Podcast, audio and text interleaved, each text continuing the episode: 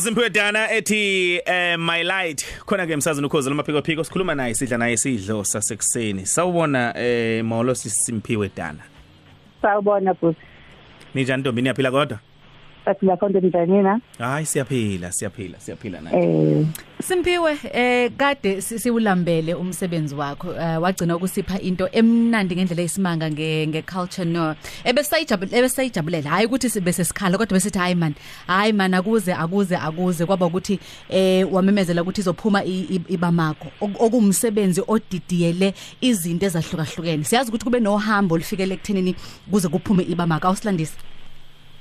Okay mandilungisa nje sisokama kokuqala nje i-album yami yami yokugcina ibi fire brand. Ngoba ikhona Oh, yes, engene Fire Brand, after after ila labona le ngomidlalayo iphuma kwi fire brand.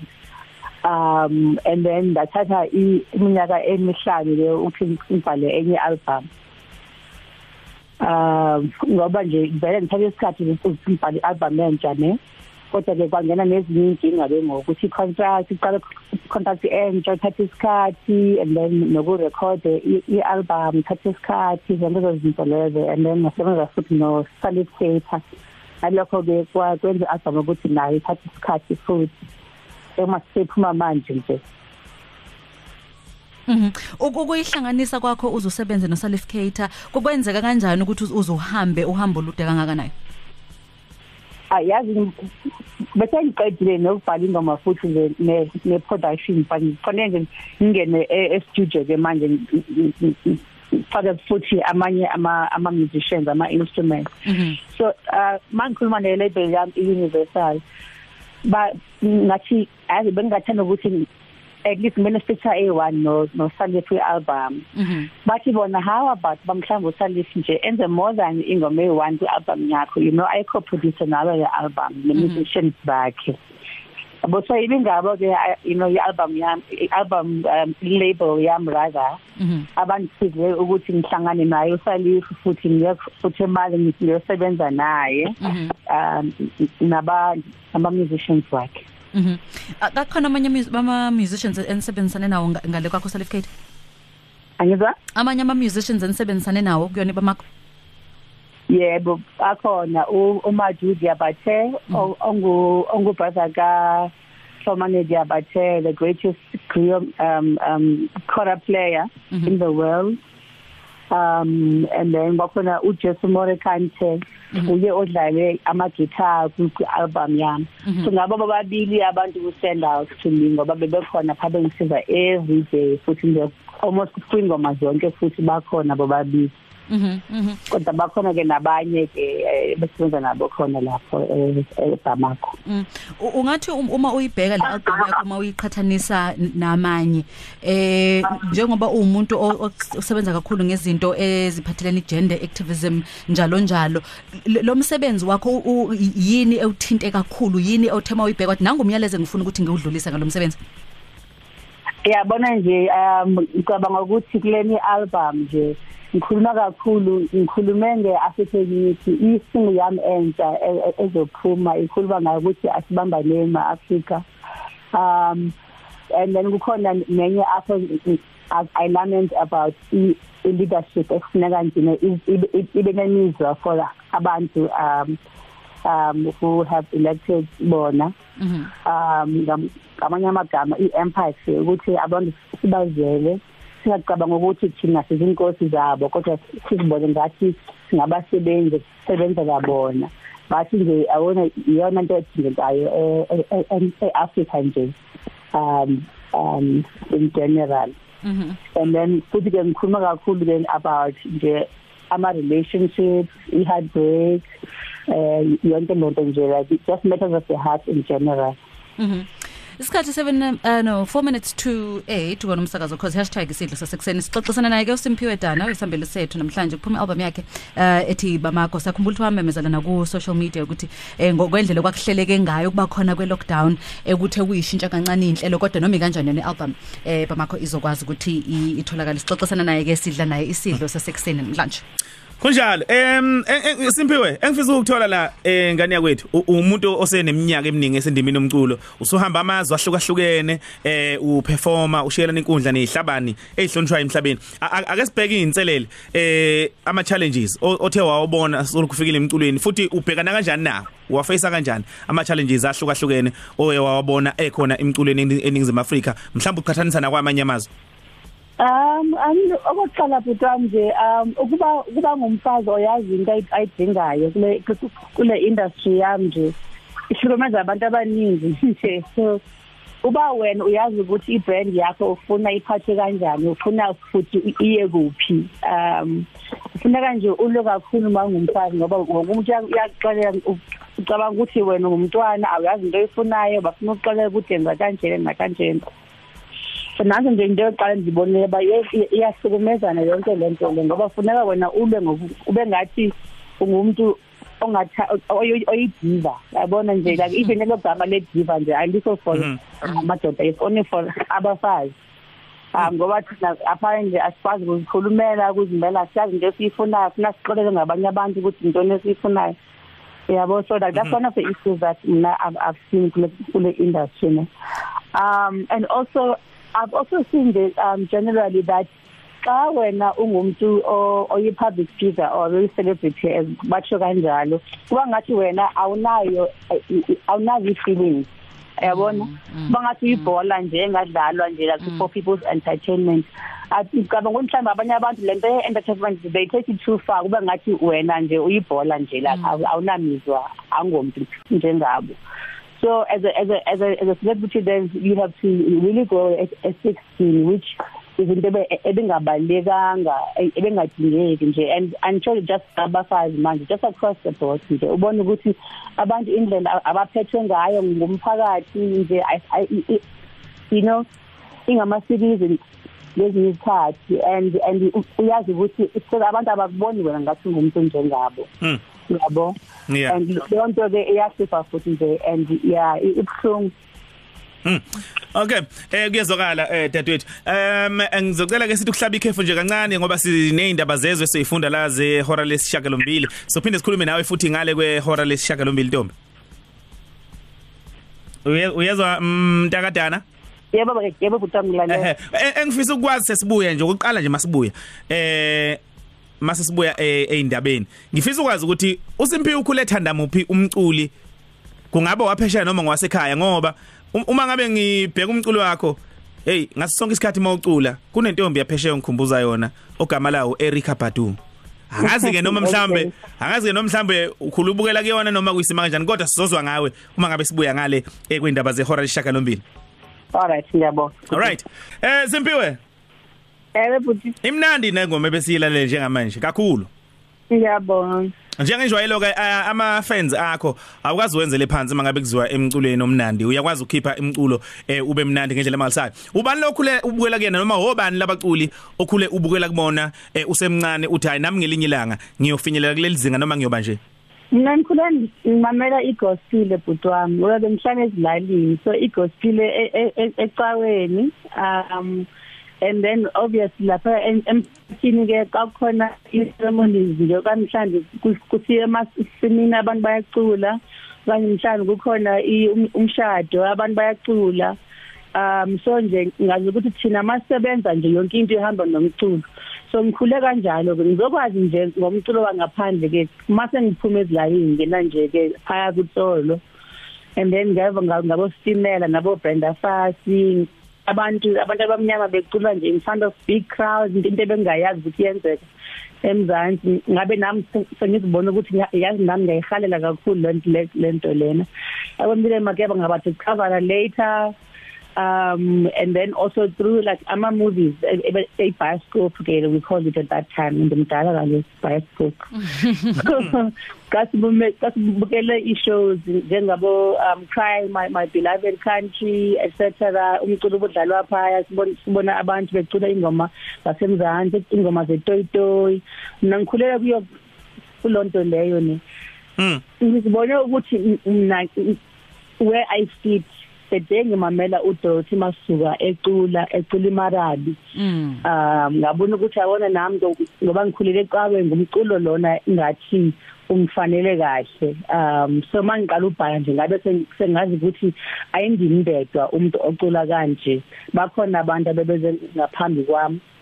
So umculo wami is, is not a mistake or- or an anomaly. Ngumculo womphakathi vele and abantu bazokuva ngami and kudala futhi bagcina ukuzwa umculo onje. Uyayibhalela vele ingoma zakho? Ewe sisi Mm. Ke- ke ngibuza ukuthi umuntu uma ebhala ingoma ku- kusuke kusuka e- e- e- e- enini kusuke kusuka entweni mhlawumbe odlule kuyona noma izinto oyibukayo noma umuzwa osuku nawo ngaleso sikhathi nanokuthi i- ingoma ifika kanjani eh, ku- kuwena? Kuba ukuthi abanye baye bathi hayi cha kuye kube ukuthi nje eh, ngithi ngihleli ngi- ngizwe into ethi ngizwe into ethi ngibona ukuthi okay mangiyilandele ingise endaweni ethile. Eyakho iprocess ithini? Eh, masisa ngina process ne ingoma ziza ngendlela ngendlela. And sometimes kuhlangahlangana nje even i process mina ingoma ikakhulu iqala uh, nge nge- nge melody ngiyizwe nje i melody nje e- ekhanda. And and kufuneka mina ke ngoku ngi understand ukuthi izama ukuthini le melody yami. Athina amagama ayithethayo i melody le so i- ikaningi nje siqala kanjalo kum. Kodwa zikhona ingoma futhi engiye ngiziphuphe nje. Ngoba nayo ingoma senginayo yonke njengozandisile but inqabile leyo nto leyo Mhm. um and then ikhona lapho ke kuba ingene esitudio ngihlukumezekile nje umphefumulo wami ungakho right. And then from that kuphume nje ingoma.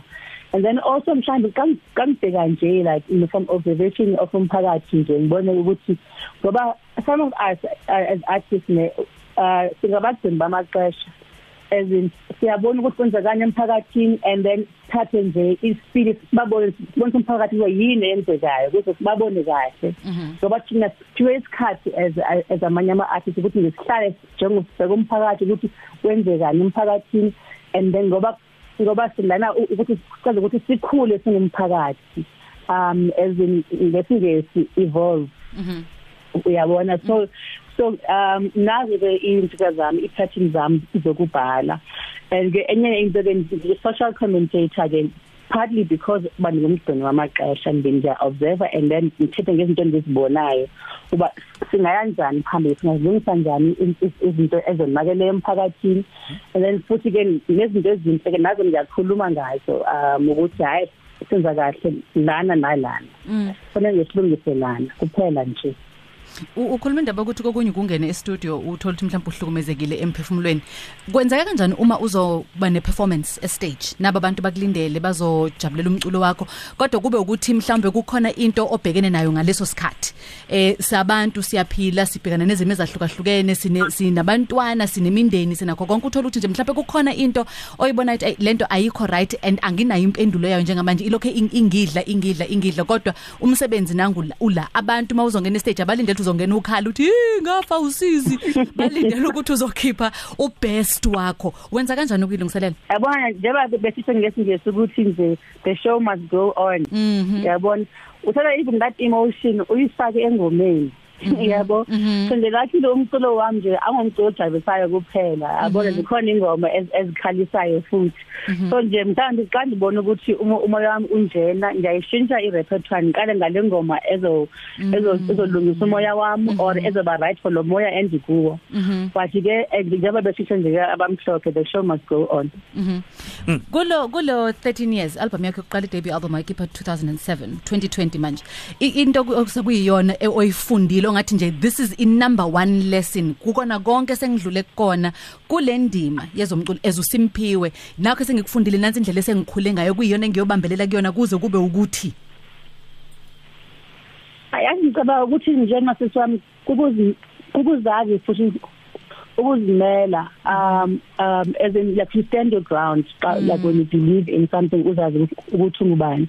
And ngifunde ikakhulu lento over over over the many years ukuthi u- uzazi ungaxolela ngabanye abantu ukuba ngubani ngoba uzohlala uxolelwa ngabanye abantu uzolahleka kakhulu and uzophela ungazi ukuthi uya uyahamba or uhleli ubuyele emva uyaphambili so mina nakho endikufundile over years bakufuneka uzimele uyazi inyani yakho uba ungubani wena ungaxelelwa ngabanye abantu uba ungubani ngoba hey ab- abantu abaphandle bayathetha and banesikhathi ke you know and especially xa ngathi you are in the public eye or something ba wena uzazi nje uzolahleka kakhulu Okay.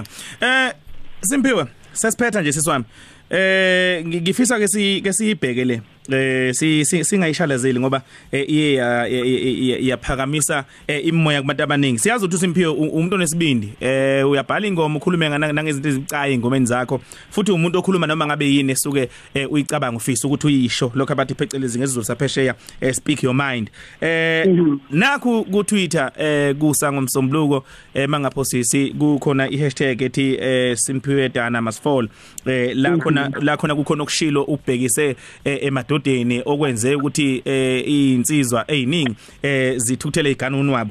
Eh m- m- mhlawumbe ngakusicacisele kafushane nga- nga- ngale statement sakho ukuthi ka- kahlehle ingabe ubuqonde lokho obukubhalile mhlawumbe noma mhlawumbe kwe- bekwenze njani? Hayi bengiqondile bhuti wami. Bengiqondile futhi nje neze neze. Um we live in a country that has got a very high um gender based violence stats. Bathi nje xa betshoyo like our gender based violence issues Mhm. they rival those of countries at war. Hmm. and we are not at war. And it's been increasing year by year. Nje since we got our freedom ngoba siqale asizobheka kahle kahle ukuthi kwenzekani. Mhm. um we have single parent homes where like in that parent is the is the is, is the mother who's who's there. Like the father has built out akekho akabona abantwana akabhatali maintenance. And then we have homes apho bakhona otata kodwa imali yabo yona yeyabo. Indlu umama uyibhadalayo imoto leka mama but tato eqhubayo and udla apha endlini kodwa yena imali yakhe yakhe abantwana xa befuna imali yesikolo is not available. These are problems that are prevalent in our society. And and and u- uba bathi abantu thina singabafazi masingathukuthelwa. Kodwa masikhuluma nge nge white supremacy sonke siyathukuthela but thina thina singathukuthelwa ukuthi eMzantsi Afrika kunjena. You know calling music futhi emininzi on mhlambe ama boyfriend nama girlfriend Yeah. apho yaqhuma ihlazo singabafazi. Kodwa thina siqunye singabafazi. Ngamadoda. Bahlukumeza nje njalo nje. Otherwise the, the gender based violence stats would not be the same. And even if you saw the abuse that I actually you know had to take Yeah. you know from from the same people abathi bona abakho nje abakho nje aba- abakho nje kasitha ngokuthi we have this test. Athi umuntu hayi mina ngathi sikhuluma ngayo no sikhuluma in general ukuthi kunjena emzansi. Why wena sinakhulume ngawe?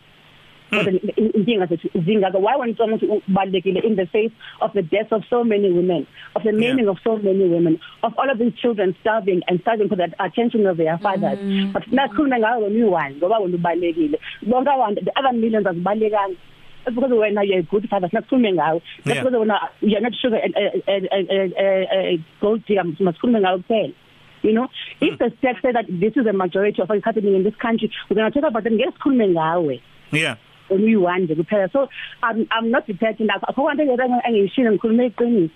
Asikhulume ngalo ke instead of uba khulunywa ngami you know and and and and and and, and this slut shaming that was happening eMzantsi Africa it it it, it was very violent disgusting. And amadoda ngikanje abazijenge ezinhlizweni zabo ukuthi kwenzekani kanjani ngabo ngamanye amazwi ubuthi wonke umuntu wesilisa akayihlole.